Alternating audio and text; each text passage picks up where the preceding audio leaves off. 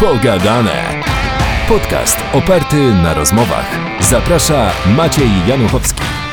Piotr Buźko, osoba członkowska zarządu Stowarzyszenia Kultura Równości i drag queen Twoja stara dziś w moim podcaście. Dzień dobry, cześć. Dzień dobry, bum dzieciaczki, cześć i czołem. Bardzo dziękuję za zaproszenie. Dziękuję, że przyjąłeś, przyjęłaś. Natomiast y, chciałbym zacząć od tego, jak się czujesz. Oho, ja jestem bardzo e, wczorajsza, żeby nie powiedzieć, że dzisiejsza, no bo e, królowa nocy, więc e, też jestem tutaj u ciebie rano. My rozmawiamy rano, a ja w nocy skończyłem pracę w klubie. Więc tak, jestem taki, więc możecie wybaczyć mi tę moją tutaj chrypę. Właśnie to była moja pierwsza myśl, że drag queen, która pracuje bardzo późno, od 22 najwcześniej pewnie zaczynają się występy, umawia się na 10 rano na rozmowę.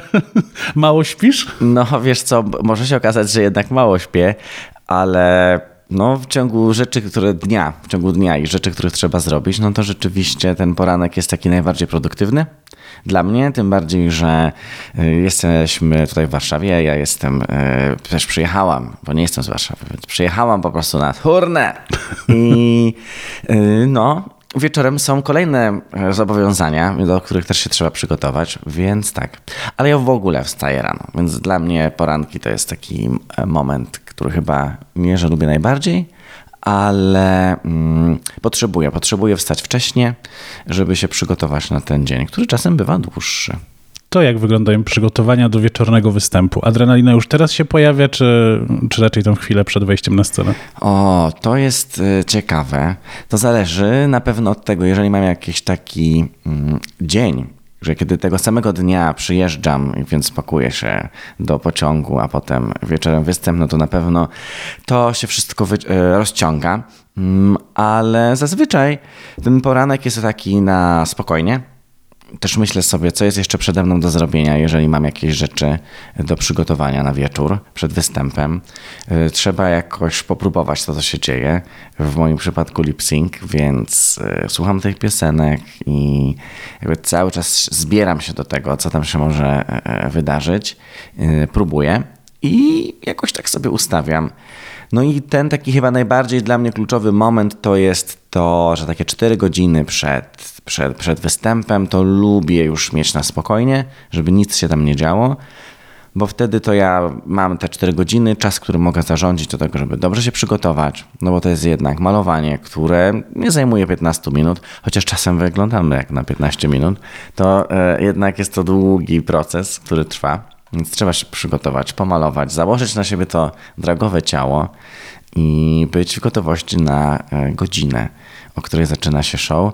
Czasem jest tak, że jest się gotowym na za dwie, mm, bo nie wiem, siedzi się w garderobie i gada z koleżankami, jak ktoś wpada, coś tam się rozmawia i jest dużo harmidru i nagle się okazuje, że e, te ostatnie jakieś rzeczy, które trzeba zrobić są, mm, no są właśnie na za 5.12, jak nie za 2.12. Ale to jakoś może też podbija taki lekki stresik, że później, kiedy, e, kiedy się już wchodzi na scenę, to jest, y, że nie tyle co większy spokój, ale już się jest takim trochę nabuzowanym. Czy twoje show zaczyna się punktualnie? Czy jako diva jednak pozwalasz sobie na taki no może kwadransik to nie, chociaż różnie to bywa. No, oczywiście, że bardzo różnie to bywa i to też bardzo, to, to, tak naprawdę z tymi początkami show, kiedy ono się zacznie, na to się składa bardzo wiele y, czynników.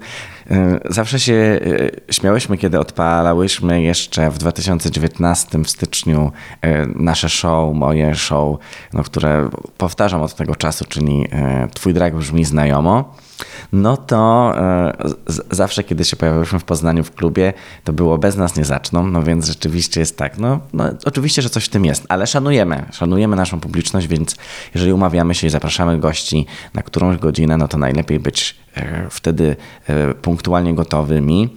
Różnie to jest.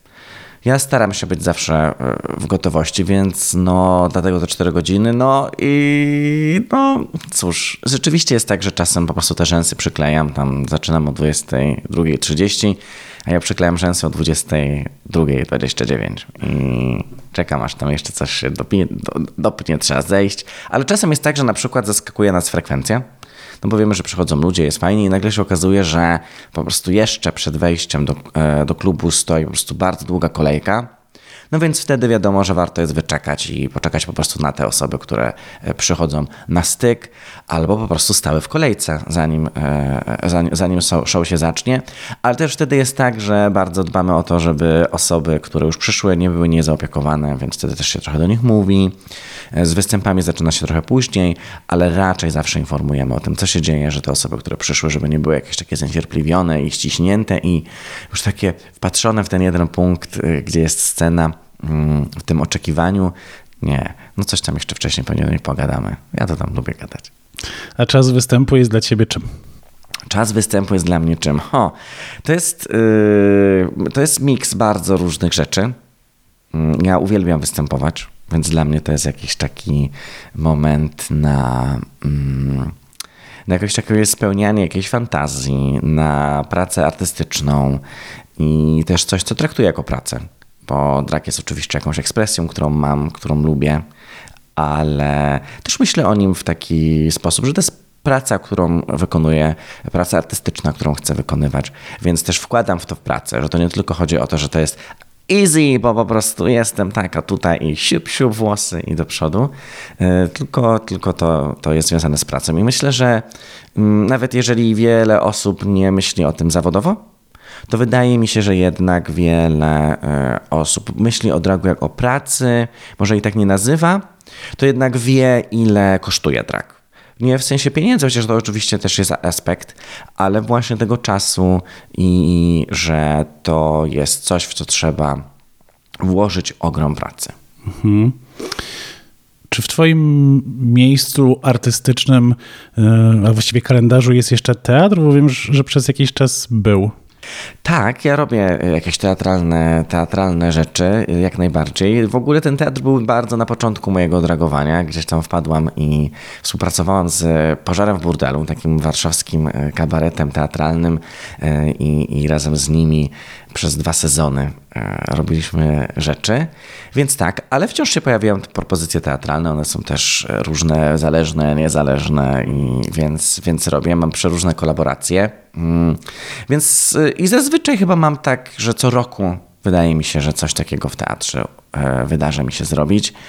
Mm, różny jest e, jakby z częstotliwością grania tych rzeczy, e, ale tak, tak, te teatralne jakieś sytuacje się pojawiają i to mnie bardzo cieszy, bo bardzo to lubię. Jest to jakaś taka przestrzeń, w której lubię występować, ale ja też chyba po prostu lubię próby. I przez to, że ta praca na scenie, no poza jakąś taką własną fantazją o tym, jak ona może wyglądać, to też no, nie miałam okazji się tego uczyć. No bo nie jestem po szkole teatralnej, nie ma szkół performerskich, można tylko chodzić i oglądać. Inna sprawa to jest to, kiedy ogląda się osoby pracujące w zawodzie, nie wiem, aktora, yy, mima yy, albo mm, kogokolwiek, kto pracuje jakby ciałem, tancerza, tancerki, osób yy, pracujących w ten sposób no to jest jedna sprawa, to jest to, że widzimy jakby ten wypracowany ruch, ten wypra- tą wy- wy- wypracowaną ekspresję na scenie, no ale inna sprawa to jest być w tej przestrzeni, kiedy się próbuje. I dla mnie to zawsze były największe lekcje i móc podglądać po prostu aktorów i uczyć się od nich, jak oni pracują. To jest y, dla mnie bardzo cenne, no bo to była taka moja szkoła, szkółka tego, e, jak pracować performersko. I no, z tego jakoś tak, się tak zbiera i jakoś zapisuję w sobie, w ciele, w tym skarbczyku, jak mówi Grarze Grzech. E, tego wszystko, każdy ma jakiś taki swój skarbczyk. I no i to się wkłada po prostu e, do, do, do tego skarbczyka. Czyli tak trochę jak zagraniczne y, dragsy, czyli nie tylko same występy w klubach, ale też w teatrze. Pewnie kiedyś jakiś program telewizyjny się pojawi, a być może jakaś piosenka, album. O nie, nie, nie, nie sądzę, że będę śpiewała. Oszczędzę nam e, i wam tego. Chociaż oczywiście na zaproszenie e, Shady Lady do jej albumu e, Pokusa na parkiecie, tam mamy wspólny kawałek Żegnaj, więc ja lubię, bardzo lubię śpiewać i też w pożarze, w pożarze w burdelu to w ogóle było śpiewanie. I mm, zapytał mnie Michał Walczak, który na początku naszej współpracy jeszcze przez telefon, zanim po prostu przejechałem do Wielkiego Świata, z Wrocławia do Warszawy, to padło to pytanie, było czy śpiewam. I ja mówię, no Jeżeli szukacie kogoś, kto ma taką e, charyzmę jak boska Florence, jest przekonana, że po prostu potrafi zrobić e, wszystko, e, chociaż nie potrafi śpiewać, no to jak najbardziej. No i przyszła na pierwszą próbę i okazało się, że tam czeka na mnie piosenka do zaśpiewania. I po prostu 20 par oczu osób, które pracują razem od pięciu lat. No i zastanawiają się, co ta osoba zrobi, co tu siedzi przed nimi. No i trzeba było zaśpiewać. No i jak zaśpiewałem, to jak śpiewałem przez te dwa lata z nimi. Więc to było bardzo fajne, no ale to jest trochę inne śpiewanie, zdecydowanie. Mm. Ktoś komponuje piosenkę dla ciebie i tak dalej, więc to jest e, też w dużym komforcie to się odbywało. Więc to była, to była przyjemna praca. Zrobiliśmy też program telewizyjny, ale może o tym warto zapomnieć. E, więc było, no tak, tak, tak, tak. Ym, Zobaczymy. Ja też jestem ciekawa, co tam przede mną. Już sobie planuję oczywiście jakieś e, kroki do przodu. Więc dużej otwartości na to wszystko, co przyniesie świat. A wolisz improwizację, czy jednak mieć ustaloną A do Z to, co masz do wygłoszenia, powiedzenia, zrobienia? To jest ciekawe, bo chyba w, w jednym i w drugim czuję się e, dobrze, ale improwizacja daje, jest taką przestrzenią mm, na też właśnie próbowanie na, na żywo, sprawdzanie za każdym razem, co siada, e, jaki ma się przelot z publicznością. I czasem jest tak, że niektóre rzeczy po prostu się wie że wejdą że są dobre, bo ma się to przepróbowane z widownią wiele razy. No a czasem jest tak, że się też testuje mm, te swoje granice, e, sprawdza jak publiczność reaguje i nawet na to samo show po prostu publiczność potrafi być e, bardzo różna. E, takim chyba najbardziej improwizatorskim doświadczeniem to jest show Snatch Game, które też organizuje Shady Lady, do którego często mnie zaprasza.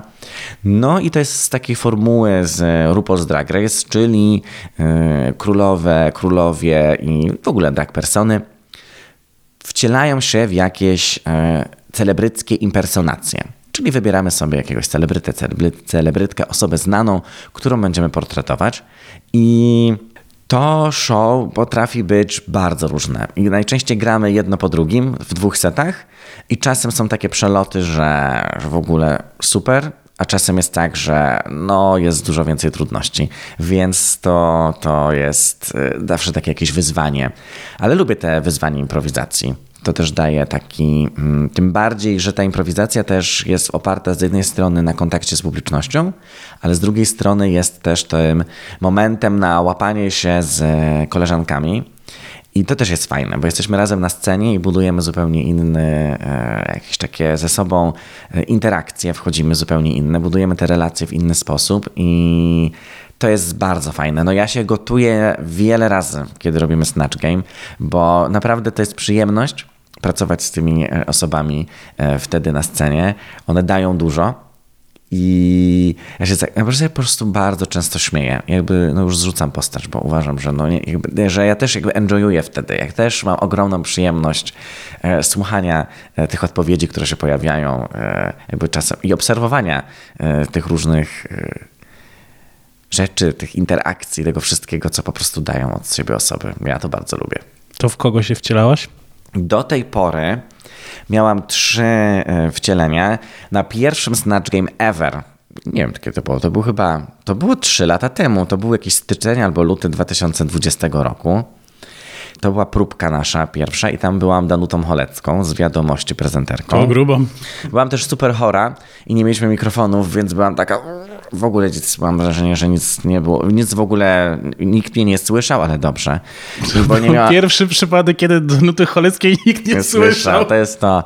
E, ale może, a może po prostu mi wyłączyli mikrofon, może o to chodzi. Może wreszcie już po prostu tym, którym trzeba, odbiera się dostęp do mikrofonu, ale później moja ogromna e, fascynacja, którą lubię i ubieram, śpiewam się wcielać w tę postać, czyli jedna z sióstr Godlewskich, Małgorzata Godlewska, ta z bardzo charakterystyczną linią włosów, tak mniej więcej na środku głowy. E, I tutaj jestem oczywiście troszkę złośliwy, ale tak naprawdę bardzo lubię i też doceniam, bo, bo ona jest taką fajną trollerką w, w internecie i lubię patrzeć, co ona tam czasem robi, bo e, też daje bardzo fajny materiał do tego żeby się odbijać. Ona ma taki mm, wizerunek, który mm, bardzo łatwo jest wyśmiać i, i, i zrobić z niej właśnie jakąś postać, ym, na którą myślimy, że się kreuje, a ja zawsze lubię jednak dodać ten taki twist, e, który ona też w sobie ma. Właśnie kogoś takiego, kto rzeczywiście widzi i obserwuje, co się dzieje dookoła i, i czasem lubi podpuszczać. E, to była druga postać. No i ostatnio mm, też w moim repertuarze impersonacji pojawił się Lech Wałęsa.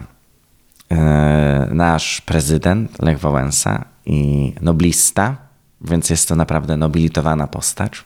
I bardzo mi się to podobało, że tego Lecha Wałęsa po prostu można zdragować, squeerować. Tym bardziej, że ten Lech Wałęsa też w, naszy, w, kontekście naszej społeczności, społeczności osób LGBT, no też występuje jako taka kontrowersyjna e, e, postać. Ma mało popularne opinie i e, takie, które są też krzywdzące, więc jakby trochę branie go pod włos i pokazanie, że może być takim trochę, jak, że może być trochę jak Makłowicz, że można być po prostu cool dziadkiem. I jakoś tak myślę, że ty, tym bardziej mam takie wrażenie, że jednak można po prostu puszczać oko i, i jakby queerować te postacie z, z historii, nawet jeżeli to jest historia współczesna i, i pokazywać, że to absolutnie jest alternatywa na to, że możesz być prezydentem tego kraju i nie reprezentować tylko wąskiej grupy, tylko że absolutnie nie odbiera ci to, że mówisz po prostu w imieniu osób, które żyją obok ciebie, a te osoby są bardzo różnorodne. Może jest to z jakiegoś marzenia o tym, ale yy, to też jest bardzo takie ciekawe, że i też kiedy portretuję yy, Wałęsę, to, to korzystam z, z piosenki, która jest oparta na jego przemowie w kongresie amerykańskim. No i on tam mówi o tym, co on zrobił, a zrobił bardzo dużo. I, i, i on mówi o tym, że mm, teraz, że on przeskoczył ten mur i że teraz inni przeskakują mury. I myślę, że to jest trochę też opowieść o polskiej społeczności osób LGBT, że my jakby przeskakujemy mur, że my przeskakujemy mury i że po prostu to robimy. I może się to komuś podobać, może się komuś tego nie podobać, ale jak już się ma takie doświadczenie przeskakiwania murów, jak pan Lech Wałęsa, to myślę, że można zobaczyć, że teraz inni idą po swoje życie, po swoją godność i tak, dlatego jakby korzystam z e, takiej postaci jak Lech Wałęsa. Może też dlatego, że nie chce mi się godzić wąsa, ale przecież ja w ogóle nie golę wąsa do dragu. Wracając do Małgorzaty Godlewskiej, to ona byłaby dobrą drag queen. Patrząc na charakter, na pewność siebie, na sposób, w jaki, w jaki funkcjonowała w mediach. No tak, Juda gdzieś tam też wciąż pewnie funkcjonuje. Mm, tak, tak, tak, ale no myślę, że to też jest tak, że chyba mm, w kontakcie z mm, drag queens, w ogóle z dragiem, jakby widzimy różne rzeczy, jak w, funkcjonują st- e, stereotypy e, płciowe, e, jak w ogóle budujemy nie tylko my jako twórcy, tylko w ogóle jak społecznie konstruujemy płeć. I ta konstrukcja to nie jest tylko to, że ja teraz tutaj jestem chłopakiem, jestem e, dziewczyną, e, kobietą, mężczyzną, albo nie identyfikuję się, jestem osobą niebinarną. To nie chodzi tylko o moją ekspresję e, płciową i to moje przeżywanie, ale też to, co my projektujemy na innych. I patrzymy sobie, że o, tu jest po prostu taka, po prostu pani, po prostu z wielkimi piersiami, nadmuchanymi ustami i tak dalej. I na nią po prostu też już projektujemy pewne rzeczy, jakieś genderowe klisze. I yy, to myślę, że jest takie ciekawe, że po prostu potem na nią patrzymy mówimy, o, to po prostu tak, no to to jest po prostu Draxa. A co do Lecha Wałęsy, to przyszła mi taka refleksja, ale być może e, nie jest najlepsza. Teraz tak sobie jeszcze bardziej myślę o tym, o czym pomyślałem, e, że szkoda, kiedy skakał przez ten mur, ten płot, nie, nie zabrał wszystkich ze sobą, ale z drugiej strony, gdyby zabrał, no to my byśmy nie, nie mieli co robić. No tak, tak. I ale... co byś robił, gdybyś nie był aktywistą? No to, o, co ja bym robił, gdybym nie był aktywistą? No to jest rzeczywiście jakieś pytanie. Ja myślę, że i tak byłbym zaangażowany. Może sprawa w którą byłbym zaangażowany, mogłaby być inną sprawą, no bo to nie jest tak, że mm, to pole chociażby równości dotyczy tylko i wyłącznie kwestii y, społeczności osób LGBT. Wciąż myślę, że jest bardzo dużo do, w temacie takiego normalizowania postulatów feministycznych i bycia też wsparciem dla y, postulatów feministycznych, mm, więc y, równość kobiet, mężczyzn, osób to jest coś, co jest bardzo jakby istotne. co się gdzieś pewnie też zawiera, no po prostu w LGBT-owym aktywizmie. Mm. Ale no ja i ostatnio coś gdzieś powiedziałem i ktoś po prostu wykręcił oczami i powiedział, oczywiście, bo y, no ja byłam harcerką, byłem harcerzem bardzo długo, no i oczywiście, że byłem harcerzem i jakieś takie poczucie wspólnoty jest dla mnie y, ważne i byłem też kiedyś osobą bardzo wierzącą, y, należącą bliską z kościołem, więc jakby to rzeczywiście taka wspólnotowość jest dla mnie istotna. I myślę, że byłbym po prostu zaangażowany w jakiś sposób. Byłaby, było, szukałbym jakiegoś takiego pola do, nas, do, mm, do swojej takiej pracy, w której mógłbym, mm, no nie wiem, czy to chodzi o poświęcenie, bo to nie jest zawsze jakby kwestia poświęcenia, bo nie uważam, że powinien się poświęcać, tylko właśnie zaangażowania. O, może to o to chodzi. Nie poświęcajmy się, po prostu angażujmy się. To nie trzeba się zażynać. To po prostu warto jest być obecnym, obecną, e, zaangażowaną. No to mamy bardzo podobną historię, bo ja byłem ministrantem. Ja nigdy nie byłam ministrantem, ale może dlatego, że, że jak chciałem być ministrantem, to y, zaraz wyjechaliśmy na zieloną szkołę i już później wróciłem na zakrystię, żeby mnie zapisali znowu. Ale widzisz, to byłaby okazja do tego, żeby po raz pierwszy ubrać sukienkę. O nie, w ogóle nieprawda. Ja myślę, że to w ogóle przed tymi wszystkimi, jak to się nazywa, Alba to się nazywa? Alba, tak. Alba. Przed tymi wszystkimi Albami to ja miałem zupełnie inne fantazje, że zamykałem w łazience w domu i tam przywdziewałem e, z włosy z pomponów i wtedy ja nie wiem, nie który był rok. To musiało być, e, to był film o Jamesie Bondzie GoldenEye, czyli piosenka ikoniczna Tina Turner i ja w ogóle wtedy Tina Turner w łazience to byłam ja. Absolutnie tak. Czyli ja nie wiem, który to był rok, 95, 96, jakoś tak. I ja już wtedy byłam Tiną Turner w tej łazience. Ale harcerzem też byłem. Natomiast niestety nie mam żadnej e, książeczki, żadnego zaświadczenia, ponieważ trochę mnie wydymali w tym harcerstwie. Jak to? No, e, było przyrzeczenie. Miałem świadka, który, który był podczas tego przyrzeczenia, połóż na stole. No i ten, ten cały druh, który zarządzał chówcem, obiecał, że te zaświadczenie i te książeczki zostaniemy później. Później ten, to, to nasze harcerstwo rozwiązali i tak zostałem bez książeczki i bez niczego. O wow. I teraz ale... jak ktoś mi się pyta, czy byłeś harcerzem, mówię tak, ale nie mam na to dokumentów. Jest, ale ja teraz muszę przemyśleć, czy w ogóle ja miałem książeczkę. Ja myślę, że nie miałem żadnej książeczki. Mało tego, ja jestem przekonany, że w ogóle nie wiedziałem o istnieniu książeczki harcerskiej. Ale teraz jak to nazwałem w ten sposób, to może to było? Nie, ja miałem chyba jedną w ogóle sprawność. Bo to trzeba było się starać o te rzeczy. Tak. I... Ja nie pamiętam. Ja na pewno miałem z zawiązywania y, węzłów. Nie, ja pewnie miałem po prostu tam bo pamiętam, że to, tego się bardzo długo uczyliśmy. I później, jak byłem na, na koloniach, to był taki pan, który był opiekunem i on bardzo mocno wojskiem tam próbował Za. zarazić wszystkich. I był trochę zdziwiony, że ja mu pokazałem, że umiem te węzły robić. Ale nie powiedziałem mu, że byłem w harcerstwie. O, sam z siebie po prostu. Ale żeglarze też mogą te węzły. Tak, tak, tak.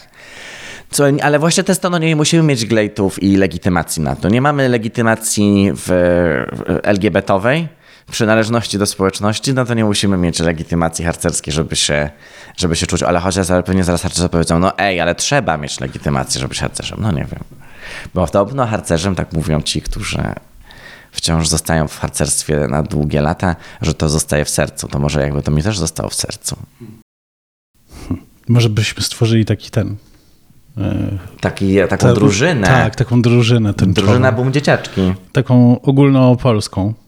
Nie wiem, jakbyśmy się spotykali na zbiórkach, ale może na, na online, ale może nie zakładajmy, słuchajcie, drużyny yy, harcerskiej, ale myślę, że to, co jest i to, to jest fajne, żeby na przykład sprawdzać i zobaczyć, że jeżeli są na przykład młode osoby LGBT, które chcą się zaangażować i znajdują swoją społeczność właśnie w drużynach harcerskich, no to super, żeby była akceptowana. I to jest bardzo ważne, żeby Związek Harcerstwa Polskiego był otwarty. Wydaje mi się, że jest. Ja tego nie wiem. To jest do sprawdzenia. Myślę, że to wszystko zależy od praktyki. Chyba jest nawet bardziej niż ZHR. ZHR no tak, jest no to są dwie różne organizacje. Tak.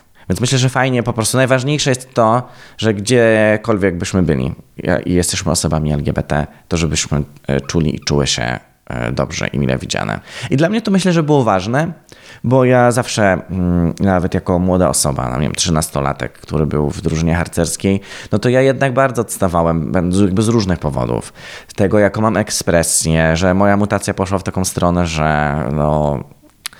I ten mój, i jakaś maniera w głosie, i e, to, że byłem zawsze szczupłym i niewysokim chłopcem, że lubiłem e, te jakieś różne wszystkie wydziwnione rzeczy, więc jak były temat, że robimy przedstawienia, to jestem pierwszy, że jak się trzeba przebierać, wygłupiać, to wiadomo.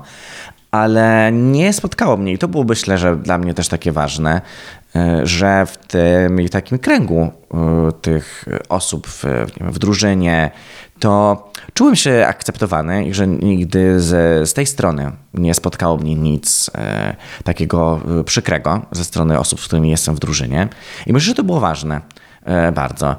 I tak, tak. Więc fajnie jest dawać wsparcie. Nie nawet tym młodym osobom. Nie trzeba nikogo e, jakby, nie wiem, ani autować, e, namawiać do zwierzeń, tylko po prostu fajnie zaakceptować te osoby, które są obok nas. Nawet jeżeli się wyróżniają, mm, to dać im to poczucie, że tutaj należą.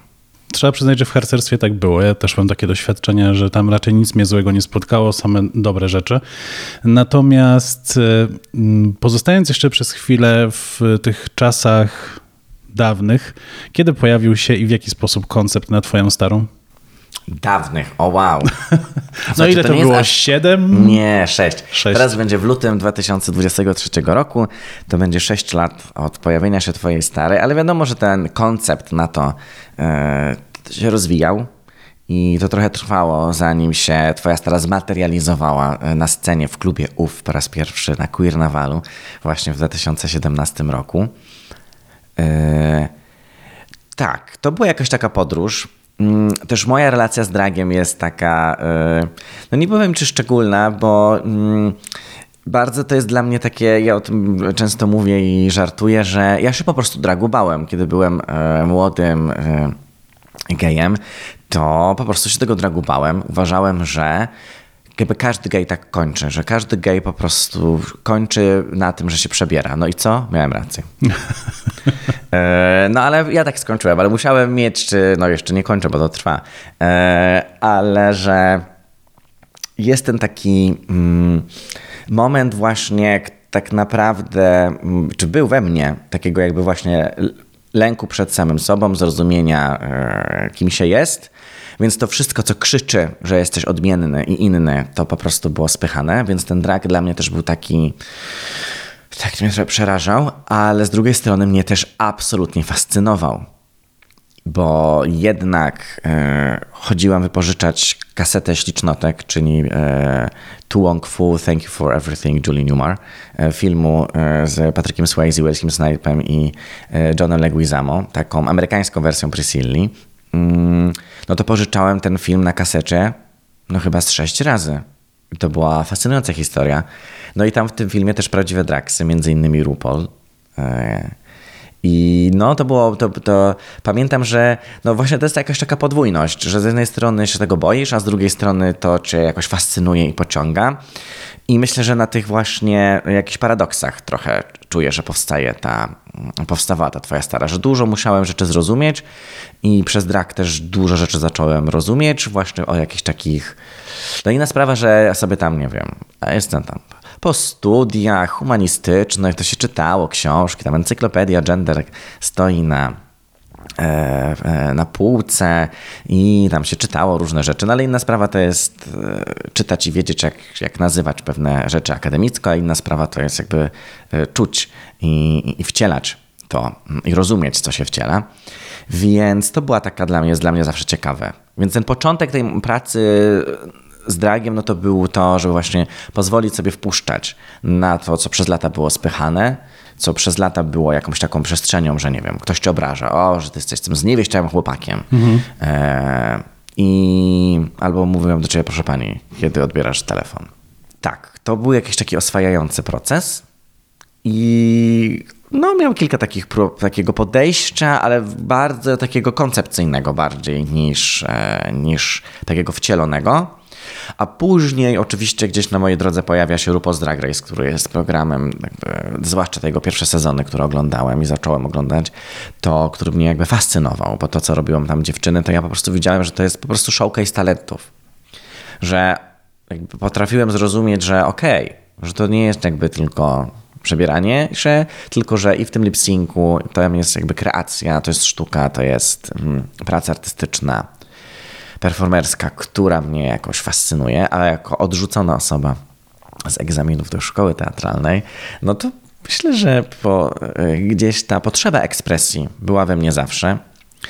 No i to się musiało gdzieś tam wydarzyć, że odbywam ten, te jakieś takie 10 lat, w których nie wiem, co się dzieje. E, studiuję, robię różne prace, e, składam koszulki w sklepie albo siedzę za biurkiem e, w pracy bardziej kreatywnej lub mniej kreatywnej. No ale ta potrzeba ekspresji jest większa, takiego wyrazu właśnie performerskiego jest większa i no potem się po prostu odważam, żeby to zrobić i dać sobie światu. Twoja stara jest piękną kobietą, ale czy myślałeś o tym, żeby pójść w stronę Miss? Wyglądu? O, z wyglądu? Nie, chociaż wczoraj po prostu jak przyjechałem do Warszawy powiedziałam Chimerze, że ja już, ja już była jestem ja już mam dość bycia tą mądrą, ja już chcę być wreszcie tą ładną i e, przy pomocy Chimery, zresztą e, wspaniałej drag queens, która też oprócz tego, że e, świetnie radzi sobie na scenie, no to mm, też można było ją oglądać w telewizji, e, w serwisach streamingowych, e, chociażby w, w Królowej e, Netflixa, to mm, no to jest moja po prostu serdeczna, drogowa przyjaciółka, taka prawdziwa i E, to jest bardzo fajne, że możemy robić dla siebie takie rzeczy. No i ona mnie wczoraj właśnie pomalowała i byłam najpiękniejszą kobietą na świecie. E, a propos, czy twoja stara ma jakieś e, dramy, konflikty z innymi dziewczynami? Nie wiem. Ja zawsze się śmieję i uśmiecham i mówię, że jestem Szwajcarią, więc, więc wybieram ten status kogoś, kto wie, co się dzieje, ale się nie angażuję. A jeżeli się angażuję, to też angażuję się w trochę inny sposób. I też wolę rozmawiać na przykład prywatnie, a nie publicznie toczyć e, dram i dysput. Bo w Twoim przypadku jest to trudne, no bo Twoja stara i Ty, jako Piotr, jesteście jednością, więc rozumiem, że trochę trudno byłoby, gdyby Twoja stara się z kimś pokłóciła tak ostro, a później dobra, zdejmujemy drak i się kochamy. No nie, no oczywiście, że to jest sklejone, że jak już po prostu są jakieś pewnie zadry w dragu, no to one też będą po. No ale też myślę, że to też jest mm, taka rzecz, że mm, no ja oprócz tego jestem e, aktywistą w kulturze równości i no, o ile w stowarzyszeniu i, i, często to słyszę, osoby są jakby zadowolone i że jakby mają tak, taką królową e, e, na pokładzie, no ale nie byłam jedyną królową w naszym stowarzyszeniu. Działała też z nami e, Janina de Silesia, która no teraz niestety wyjechała, co jest bardzo smutne, ale też robiła wspaniałą robotę, prowadziła u nas queerowy aerobik, fitness zajęcia w, raz w tygodniu. Można było po prostu przychodzić na taką fajną po prostu queerową przestrzeń i to jest też ważne, żeby no nie mieć tylko takiego mm, spoglądania mm, na czubek własnego nosa, że oto ja tutaj jestem po prostu jedyną, która może coś zrobić, tylko no to też jest coś takiego, że no, jak już mam też tą pozycję w bycia w stowarzyszeniu, też wspomniałeś, że to nie, jakby nie jest tylko, tylko jak, jak taka funkcja kogoś, kto tam jest, no, tylko jakaś bardziej eksponowana w stowarzyszeniu, więc łatwo jest zamodelować świat, powiedzieć tych nie lubimy i jakby odwrócić się od jakiejś części e, społeczności. No więc to też wymaga po prostu takiej pracy, pracy ze sobą. To jakby no nie chodzi o mnie. No w takich sytuacjach no nie chodzi o mnie, ja mogę sobie tam jakieś rzeczy mieć albo nie mieć, ale jak ktoś przychodzi i chce coś robić, to no jakby nie, nie, nie, nie sądzę, że tutaj jakoś należy limitować dostęp. Do stowarzyszenia za chwilę przejdziemy, ale jeszcze chciałem się zapytać, czy jakaś drag queen coś ci ukradła kiedyś? Jezu. Nie wiem. Chyba mi nie. Nie, nie robiłeś nie. inwentaryzacji nie, nie, nie robiłem żadnej inwentaryzacji, ale to jest śmieszna historia. Wspomniany debiut przed po prostu laty, tymi sześcioma. I tam e, się malowałam z taką e, drag queen, która, oj, nawet nie wiem, czy ona jest teraz aktywna, czy nie, ale zaprosiliśmy ją wtedy też. I malowałyśmy się razem. I ona przez to, że już występowała dłużej, a ja nie byłam jakby nigdy, a już na pewno nie byłam nigdy na backstage'u z innymi królowymi, no to ona mi dawała takie rady o tym. Mówiła, że jak pójdziesz na jakiś konkurs dragowy, ja jestem w ogóle pierwsza na konkursy dragowe, to nie jest tak, że potępiam, absolutnie nie, fajnie, że one się dzieją i tak naprawdę są świetnymi platformami dla osób, które zaczynają albo w ogóle, które chcą pokazać coś, nie wiem, nowego, sprawdzić się w jakiejś formule to te konkursy dragowe mają też jakby długą, długą, długą tradycję. E, więc to w ogóle nie jest coś, co, e, od czego się trzeba dystansować. To e, no po prostu nie jest to jakaś moja forma. Ale właśnie ona mówi tak, że tu i uważaj na koleżanki, mi powiedziała. Uważaj na koleżanki, bo kradną. A ja mówię, no dobra, no może tak być, ja nic nie wiem. I z tą e, wiedzą wróciłam do domu i wtedy przeglądałam kosmetyczkę i okazało się, że oczywiście koleżanki kradną, bo zabrałam jej kredkę. No ale przez totalny przypadek. Przez totalny przypadek kredka do oczu została zniknięta, bo myślałem, że to jest moja. No więc, no cóż, co ci powiem. Nie, chyba nie było nic takiego. Nie miało to miejsca. Nie. Chyba, że będziemy teraz robić czekolad od Graży, że powiemy, że to ona ukradła mi łysą głowę. Absolutnie. Oczywiście tak nie jest. Oczywiście nie, nie, nie. To są tylko żarty i e, jakaś drogowa licencja, na którą sobie tutaj pozwalam. Bo e, to jest też fajne, że też drag dał mi taką przestrzeń do poznania innych osób. Wiadomo, że z pozycji stowarzyszenia też e, miałem okazję poznawać bardzo wiele osób ze społeczności. E, trochę inaczej, a tutaj jakaś kolejna e, grupa, e, z którą mogę być, czyli kolejna jakaś wspólnota, którą mogę tworzyć. No i dla mnie to jest niesamowite, że mogę po prostu nazywać osoby, z którymi pracuję, osoby w dragu moimi przyjaciółmi, moimi przyjaciółkami i to jest czuję, że to jest prawdziwe i że to jest fajne i, i, i, i wspomniałam tutaj Graża, tylko się po prostu uśmiecham na, na myśl o niej, bo to jest ktoś, o kim mam tylko po prostu serdeczne rzeczy do powiedzenia. I dużo oczywiście jadł, no ale to już znowu licencje. Pojawił się aspekt tego, co Drak ci dał, no to w takim razie yy, czy było coś, co ci zabrał? O, o, ciekawe. E, czas zabiera, albo inaczej nim zarządza, inaczej też zarządza energią. Kiedyś mój przyjaciel powiedział, że Jezu, ta twoja strata jest wampir. E, bo... Mm, bo na przykład trochę jakby uspokaja tą część e, jakby poza dragiem. Ale czy tak jest, to nie wiem. To już są czyjeś obserwacje, tylko powtarzam. Ale co mi mógł zabrać? No, myślę, że mm, bardzo dużo uwagi zabiera, bo trzeba się mu poświęcić. Yy, I więc tak, trzeba się oddać temu.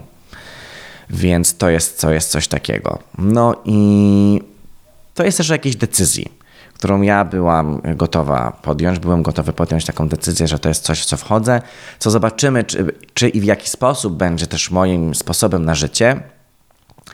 No i potem jest tak, że no masz zaplanowane wakacje ze swoim e, partnerem i dzwoni do ciebie pożar burdelu i mówi, że mamy premierę.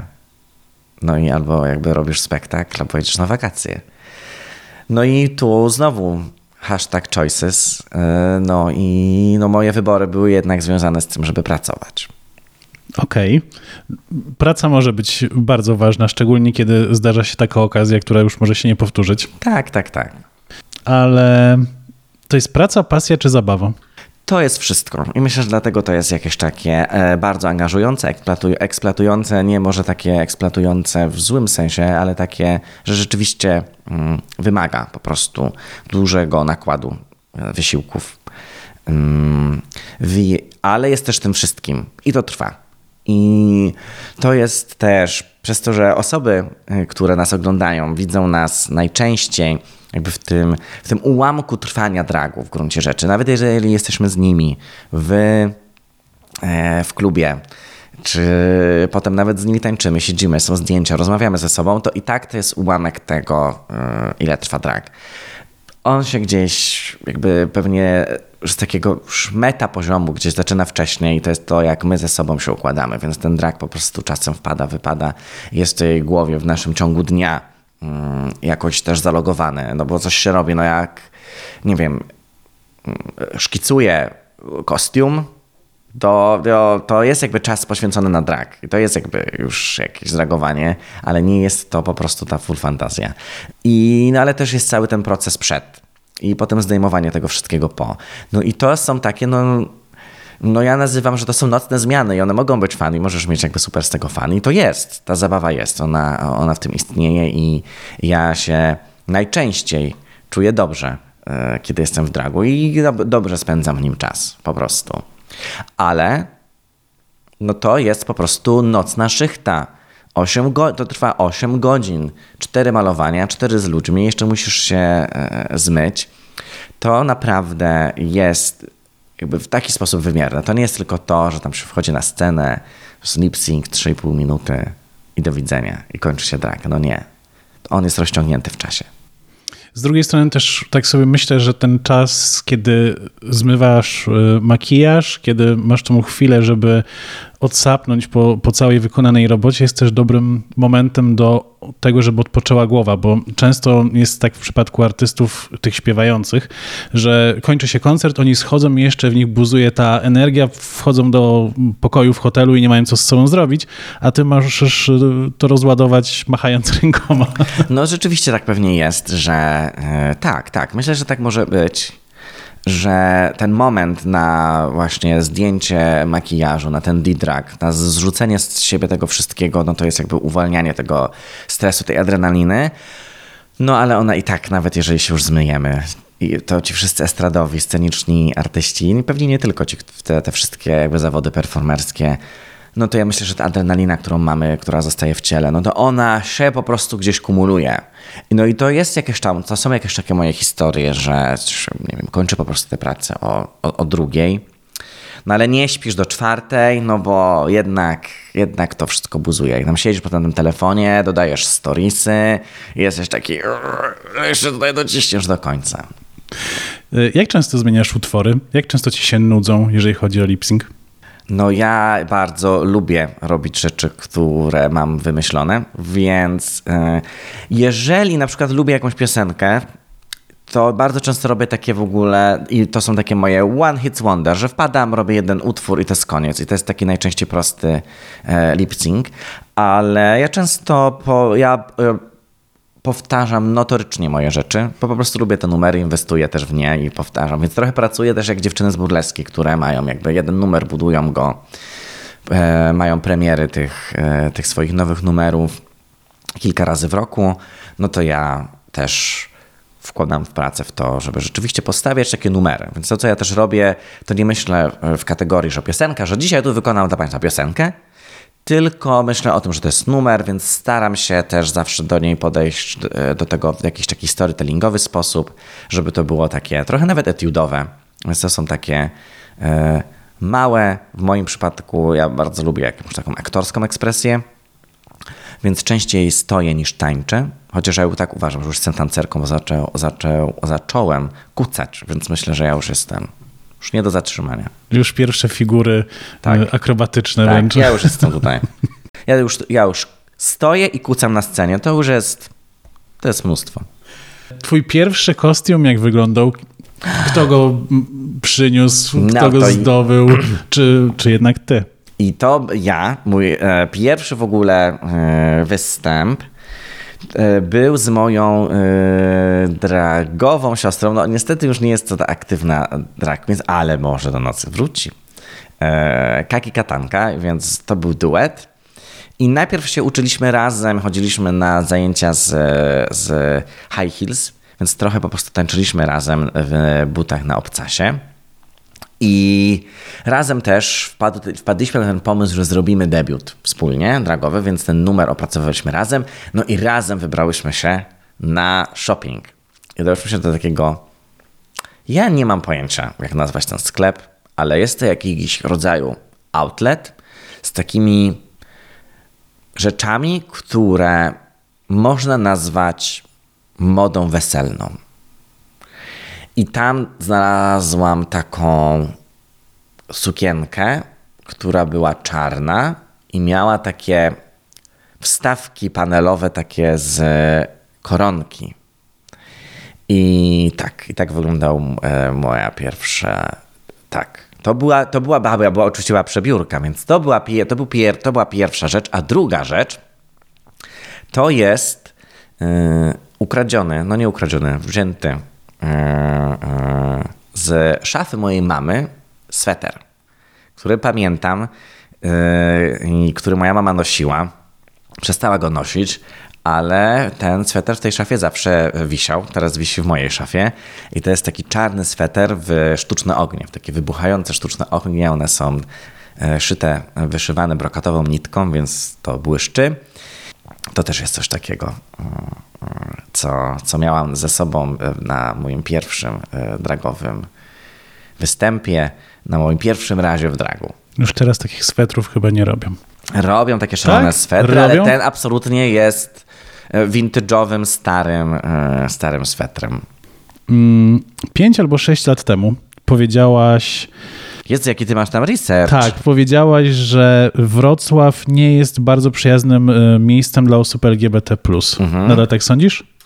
No, myślę, że on się zmienia. Wrocław się na pewno zmienił. Mm, e, może teraz mam inne przemyślenia o, e, o Wrocławiu. E, mogłam w tych poprzednich moich wywiadach mówić, że to jest dziki zachód. myślę, że trochę tak o nim dalej myślę. Mm, Ale myślę, że też to było, y, to jest to, że te- te 5-6 lat temu wciąż szukałam swojej jakby drogi na Wrocław. To myślę, że też jest to, bo to nie jest miejsce, Wrocław nie jest miastem, w którym studiowałem, y, więc tam musiałem też nauczyć się na nowo różnych rzeczy. I też był po prostu pierwsze spotkanie z Wrocławiem moje, było bardzo trudne, bo kiedy się przeprowadziłem, to nie wiem, szliśmy, e, były jakieś remonty drogowe i szliśmy z moim partnerem, no to e, przyszli, e, zastąpili nam panowie drogę i powiedzieli, że no pedały tędy nie idą. Więc no to i to dla mnie po moich studenckich latach i tych 8 latach mieszkania w Poznaniu, no to był totalny szok. Że tu są takie rzeczy, że ja siedzę na ogródku w, przy, przy jakiejś kawiarni i ktoś mnie wyzywa, no to ja, to mnie jakby nigdy w życiu mnie to nie spotykało i nagle ten Wrocław robi coś takiego, to dziwne. Ale też myślę, że Wrocław rośnie tutaj w tą taką pozytywną, dobrą siłę. To myślę, że myślę, że na pewno się zmienił. Myślę, że się zmienił i, i, i to też widać, że te y, 6 lat temu byliśmy y, marszem, który tam zbierał, nie wiem, no może do tysiąca osób. A teraz jesteśmy takim marszem, który, który zbiera tych osób. E, Z 15 tysięcy do nas na marsz przychodzi, więc to jest jakby bardzo fajny, przyjemny e, tłum. I tak, ale też widzę, że mm, inaczej już wygląda e, ten Wrocław, na, chociażby z takiej perspektywy współpracy z różnymi, z różnego rodzaju instytucjami. Mamy we Wrocławiu mm, Radę do Spraw Równego Traktowania, której współprzewodniczącą jest Alina Szeptycka ze Stowarzyszenia z Kultury Równości, E, więc e, tam po prostu są, jest dużo ruchów do tego, żeby rzeczywiście zauważać e, społeczność i też jest fajne, bo kultura równości występuje w różnych gremiach i jesteśmy na przykład sieciowani z taką koalicją dzielnicową, czyli e, nie myślimy o sobie jako organizacji, która mm, z jednej strony oczywiście jakby rzeczniczymy, jesteśmy dla naszej społeczności, ale z drugiej strony też jakby wchodzimy i chcemy być e, osobami ze społeczności, które wspierają inne sprawy, które są do załatwienia. I na przykład do załatwienia po prostu jest czasem to, że koalicją pomagamy zbierać nie wiem, głosy na wrocławski budżet obywatelski, żeby na naszym osiedlu pojawiły się parki. Yy, I myślę, że to są takie rzeczy, żeby być yy, dla siebie i być też dla innych, więc może to nam pomaga trochę otwierać ten Wrocław. Czyli kultura równości e, trochę poprawia bytność osób LGBT plus we Wrocławiu. No, myślę, że tak. Myślę, że tak. Chcę Przynajmniej to wie- poprawiła w ciągu tych pięciu, sześciu lat. myślę, że tak i chcę wierzyć w to, że rzeczywiście też działania nasze, działania w ku- kultury równości pomagają. No i rzeczywiście pewnie pomagają, bo też jednym z, jedną z takich e, ważnych e, rzeczy, które robimy, jednymi z ważniejszych naszych działań, no to są działania pomocowe, więc to jest jakby bezpośrednia pomoc, bezpośrednie wsparcie, które mamy i które udzielamy osobom. To znaczy?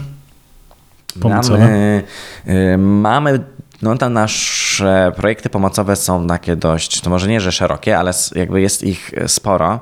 Z jednej strony mamy pomoc psychologiczną, czyli osoby, które są w kryzysie, takie, e, które pomagają, potrzebują e, na przykład takiej interwencyjnej pomocy, ale nie tylko. Takie, które na przykład, nie wiem, są po rozstaniu albo mają jakieś wątpliwości. E, to mamy pakiet trzech bezpłatnych konsultacji, z których można skorzystać. To są trzy bezpłatne konsultacje z, z psychologiem, z psycholożką, z osobą specjalistyczną w zdrowiu psychicznym. E, to też jest otwarte na osoby z rodzin i osoby bliskie, więc jeżeli ktoś chce porozmawiać o swoich emocjach związanych z coming outem, o tym jak zaopiekować się takimi tematami, które bywają trudne, bo to nie ma co się oszukiwać, bo to jest jakby trudny temat. E, mm, więc też oferujemy e, taką pomoc dla osób, które muszą się zmierzyć w ten sposób i myślę, że lepiej jest zmierzyć się w ten sposób niż wyrzucać z domu na przykład e, swoje e, dzieci dorosłe, czy też niedorosłe. No i to wyrzucanie z domu, no to jest, będziemy finiszować z naszym projektem e, mieszkania interwencyjnego, ale on będzie będziemy go kontynuować, ale w innej formie, czyli znowu przestrzeń bezpieczna, e, mieszkanie interwencyjne dla osób w kryzysie e, bezdomności, osób LGBT. Porady prawne też mamy i do tego mamy też jakiś taki szeroki mm, pakiet pomocy dla osób transpłciowych, więc można też się z nami kontaktować w, w tym temacie. Mm, wsparcie prawne i e, różnego innego rodzaju, także spotkania grupy. Mamy e, grupę osób transpłciowych i ich bliskich, ich rodzin, ich bliskich i tam jest spotykają się osoby. No i to jest taka trochę towarzyska, trochę grupa wsparcia, nawet są różne e, tematy przez to przechodzą. No i od lutego zeszłego roku też jesteśmy zaangażowani i zaangażowane w pomoc społeczności z Ukrainy, e, więc pomagamy osobom LGBT z Ukrainy.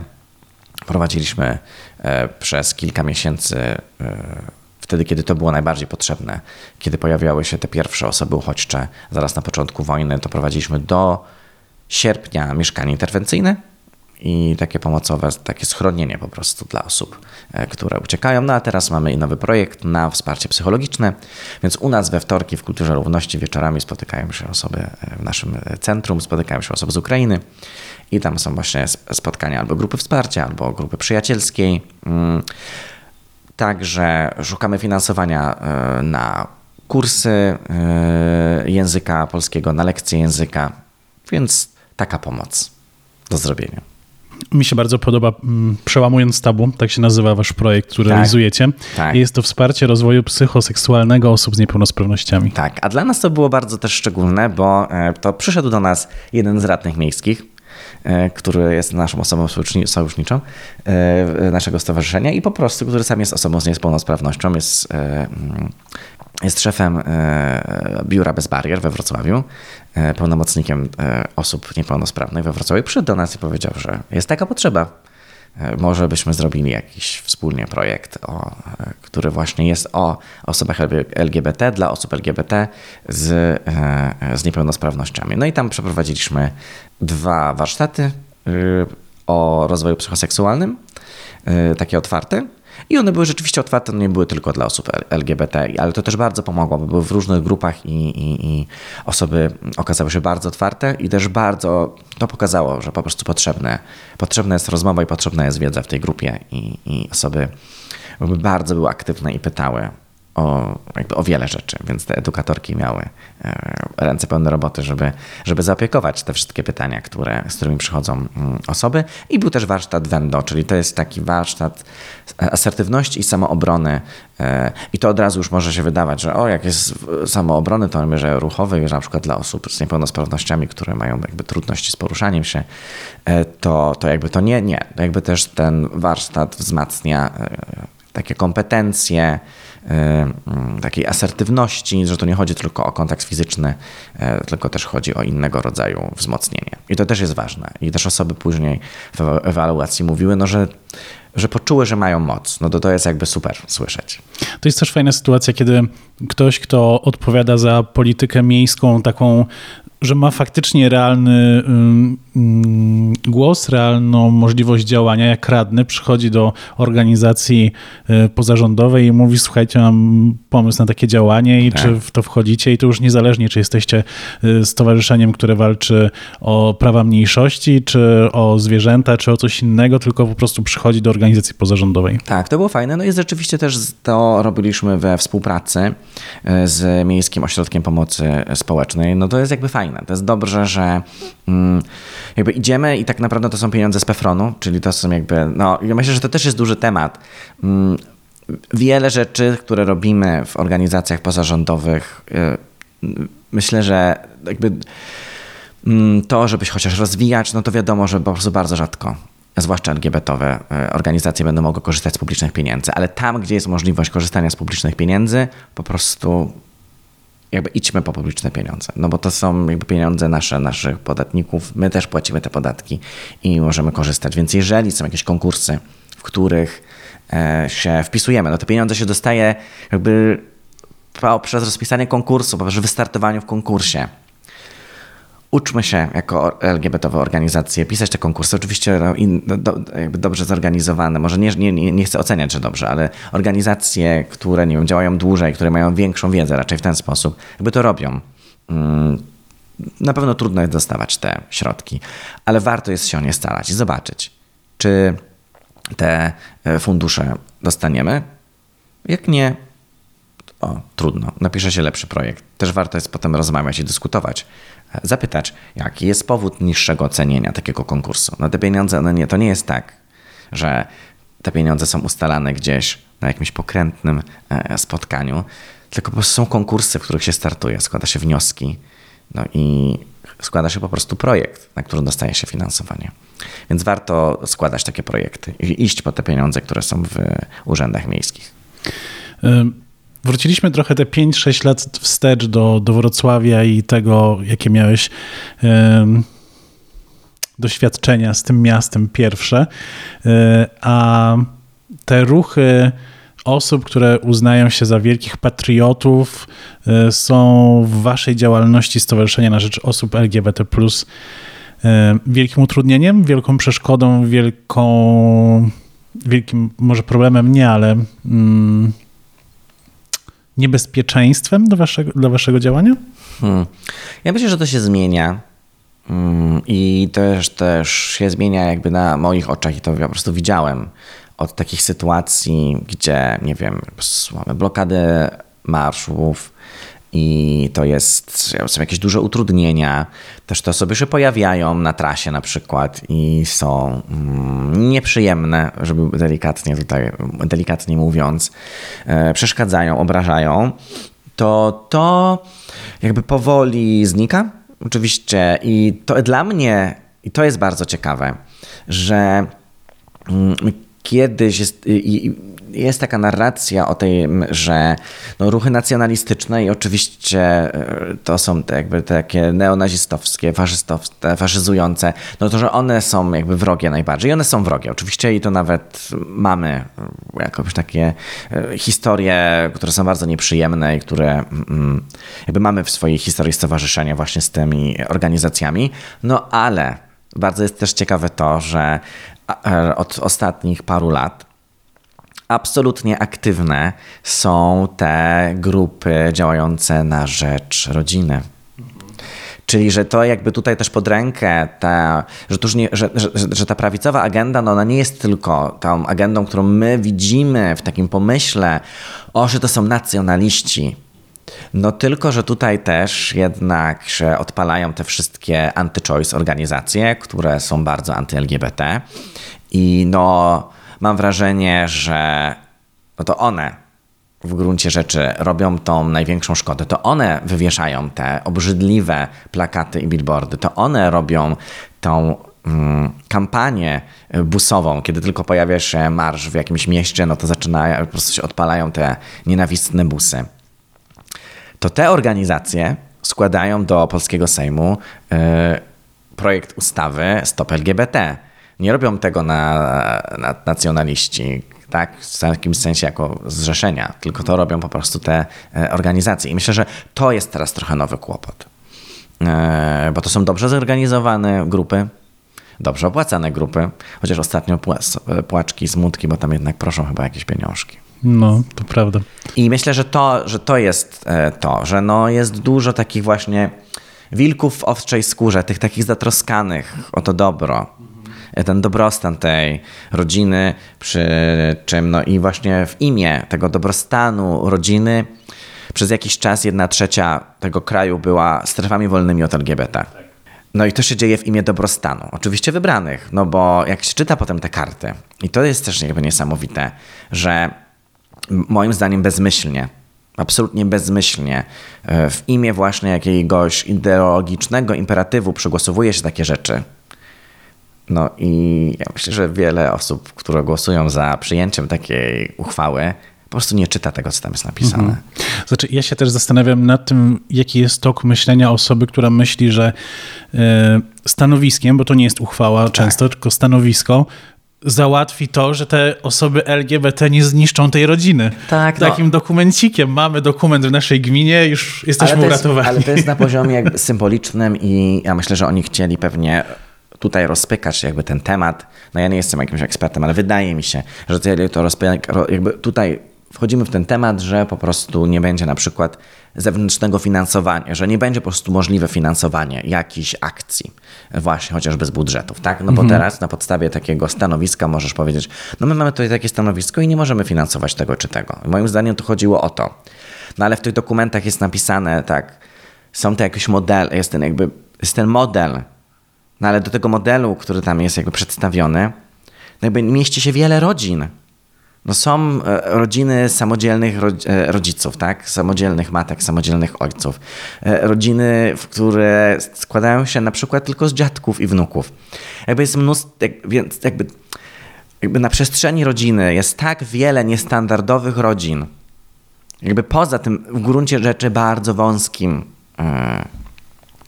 jakimś myśleniem o tym, jak powinna wyglądać rodzina, no bo to znowu, to nie jest o, o prawdzie, jak wygląda rodzina, którą chcemy rodzić, e, e, chronić, tylko to jest o tym, e, jak wyobrażamy sobie, że powinna wyglądać rodzina. No o tym są, o, oni o tym mówią, oni nie mówią o tym, oni nie mówią o czymś prawdziwym, no bo jakby prawda o rodzinach jest taka, że one są absolutnie różne. I jakby w te rodziny, i ja często też o tym mówię w taki sposób, że my widzimy tęczowe rodziny i to jest słuszne, że to są osoby LGBT, które wychowują dzieci i takich rodzin jest w Polsce coraz więcej i to jest super. E, Są po prostu takie rodziny, ale też wiele osób po prostu wyjeżdża stąd, żeby móc być traktowanym jako rodzinami jako, i jako rodziny. Więc to jest jakby smutny aspekt tego, że tych rodzin się nie widzi. Polskie prawo na przykład nie widzi takich rodzin, ale też ja tak trochę pod włos lubię też mówić o tym, że tęczowa rodzina to jest ta rodzina, w której pojawia się osoba LGBT. No i wtedy, no już nawet będąc przy tych statystykach, naprawdę jest bardzo dużo tęczowych rodzin. No bo kogoś syn, kogoś córka, kogoś osoba e, e, z rodziny, mm, dziecko jest osobą LGBT, a może na przykład rodzic autuje się mm, albo jest osobą transpłciową, która decyduje się powiedzieć i rzeczy, zacząć żyć otwarcie w późniejszych latach swojego życia. Albo e, ma ktoś wnuka, wnuczkę, mm, albo e, osobę niebinarną wnu, wnukowską. E, Albo, to jest, jesteś, albo jesteś biseksualnym kuzynem kogoś. No to są więzi rodzinne, więc jak się pojawia osoba LGBT tęczowa w twojej rodzinie, no to niestety dumt, już masz tęczową rodzinę. Ostatnio z Hubertem e, Sobeckim rozmawiałem między, te, między innymi też o tęczowych rodzinach i ja miałem takie przemyślenie, że wśród tęczowych rodzin w ogóle bardzo rzadko są przedstawiane e, rodziny, w których jest dwóch ojców, albo w ogóle trudno je znaleźć. Tak, tak. Yy, myślę, że tak jest. To jest trudniejsze. Myślę, że też zwłaszcza jest to trudniejsze. Ja teraz szyję, z głowy wyciągam. Dlaczego to może być trudniejsze? No bo jednak na tych busach, które jeżdżą, to one utrwalają pewien bardzo yy, negatywny wydźwięk, porównując homoseksualność z pedofilią, i która się najczęściej przykleja i którą się po prostu przykleja do mężczyzn, I myślę, Mężczyzn że... homoseksualnych. Tak, mężczyzn homoseksualnych, oczywiście, oczywiście. E, I no, myślę, że to może być coś takiego. I to nawet nie chodzi o to, że, wtedy, że jakby nie wybiera się takie osoby na kampanię, jakby z tego powodu, tylko wydaje mi się, że, e, że e, dwóch ojców może mieć po prostu większy opór, żeby po prostu nie, nie chcą narażać swojej rodziny na takie e, dyskusje. Myślę, że to raczej o to chodzi, że, o, o, że po prostu ci ojcowie myślą o, o swoim dobru jako o, o swoich rodzinach. Może, mo, może dlatego. Tak mi się wydaje. A ty chciałbyś stworzyć tęczową rodzinę?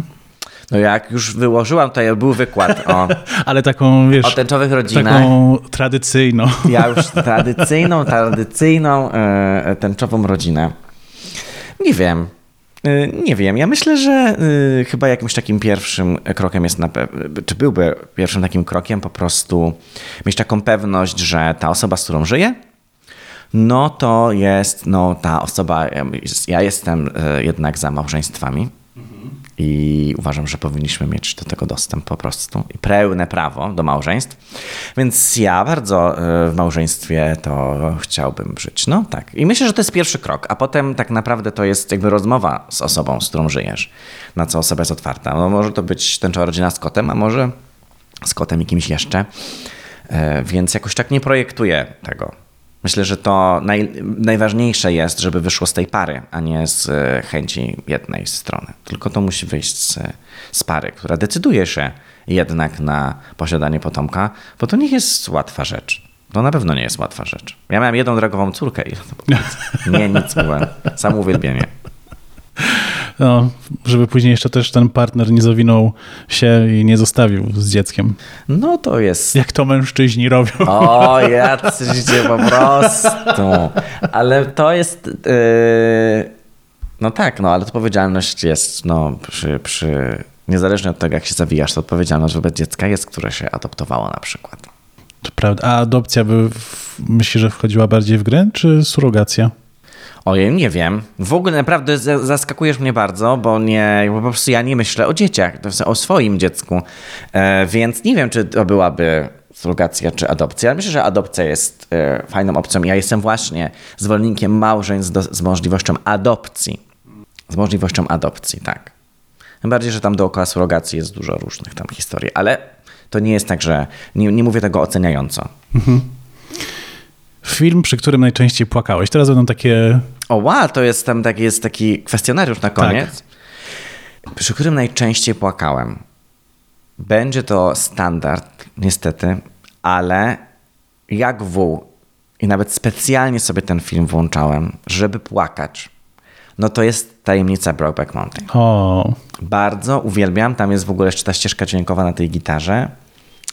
Lubię, ale ja też po prostu lubię filmy Angali. On ma coś takiego w sobie ciekawego, więc on bardzo mi pasuje. Uwielbiam, bardzo lubię i polecam serdecznie, gdzie tylko mogę, to zawsze o tym filmie wspominam.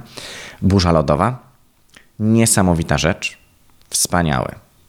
To i lubię melancholię. Ja no, melancholijne usposobienie, więc lubię melancholię e, tajemnicy Brokeback Mountain i Podoba mi się też to, jak ta naprawdę to cieniutkie opowiadanie, no bo ta Un- Un- Unpro napisała, no Brokeback Mountain to jest, ja nie wiem, 30 stron? To jest po prostu broszurka. mhm. opowiadanie. Tak.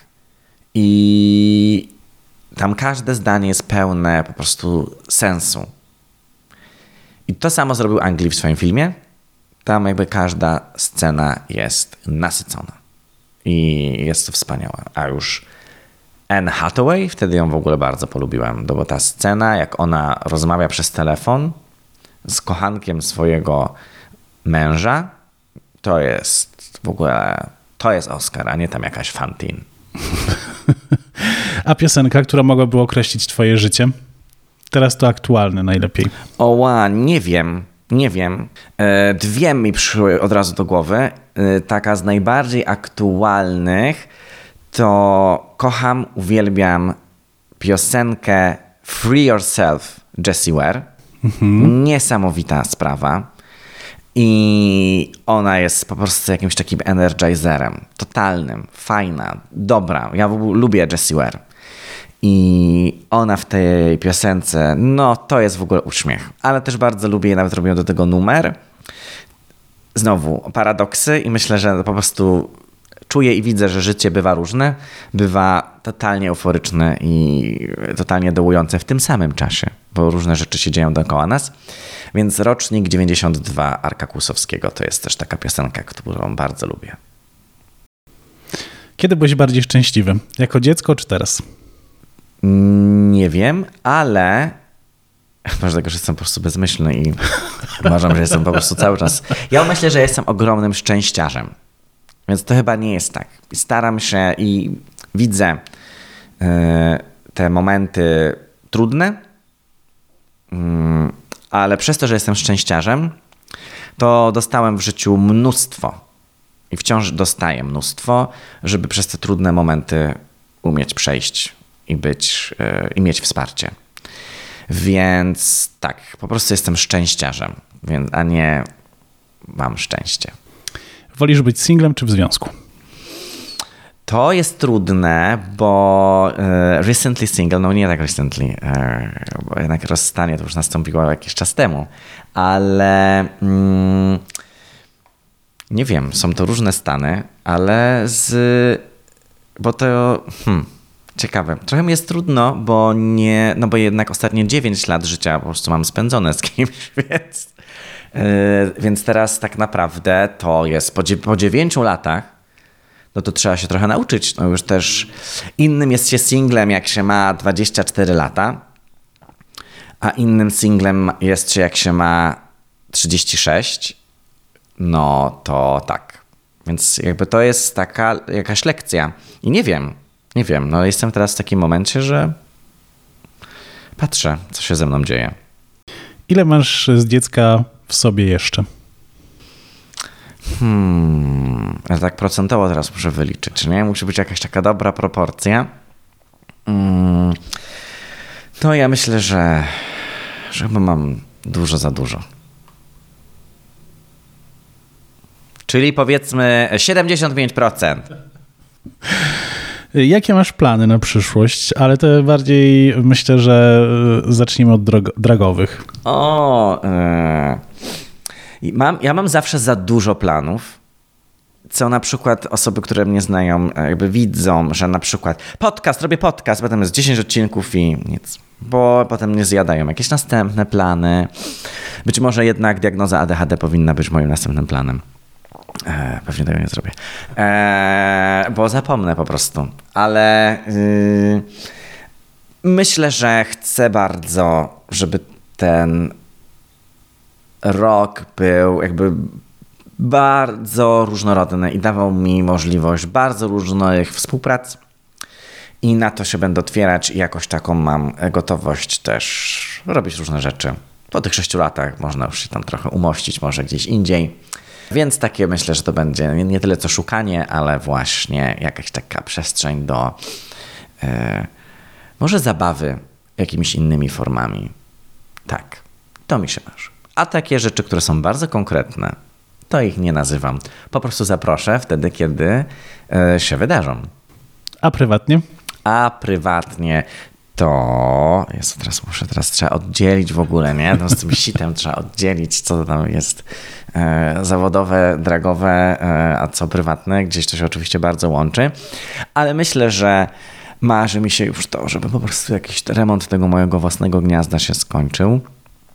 E, on się musi wydarzyć jednak moim udziałem, a nie tylko chęciami, więc jakoś tak trzeba w to się zaangażować i marzy mi się, bardzo chcę jakiegoś takiego dobrego mm, lata, żeby przyszło.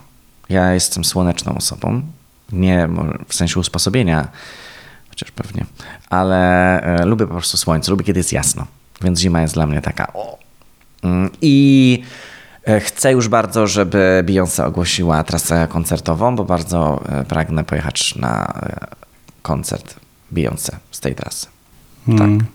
Ja może nie jestem jakimś wielkim fanem Madonny, ale chciałem chociaż raz w życiu być na jej koncercie i no kurwa, Polski nie ma oczywiście w tej no, trasie. No ale to możesz jechać gdzieś. Nie ma już biletów. No to jest no. Ja jestem taki, że ja lubię, w sensie, ja powiedziałem, że lubię Beyoncé, ja, ja po prostu kocham tę nową płytę. I ja uważam, wydaje mi się, że to będzie po prostu ciekawa rzecz znaczy, do obejrzenia. Ja ci powiem tak, z tym powiedziałeś, że jechać. Miałem jechać na Cypr na koncert Celine Dion. Przyszedł COVID, Celine zachorowała, już czwarty raz przekłada koncert.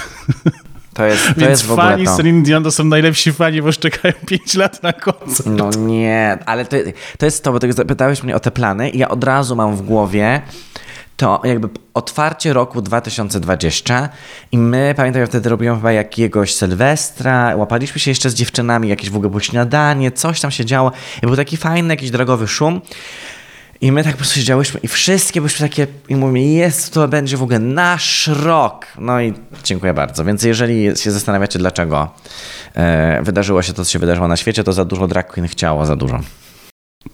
Dziękuję ci za rozmowę. Dzięki. O, bardzo to było przyjemne. E, dziękuję bardzo. Podcastu Pogadane możesz słuchać m.in. na Spotify, Google Podcast, Apple Podcast i na YouTubie.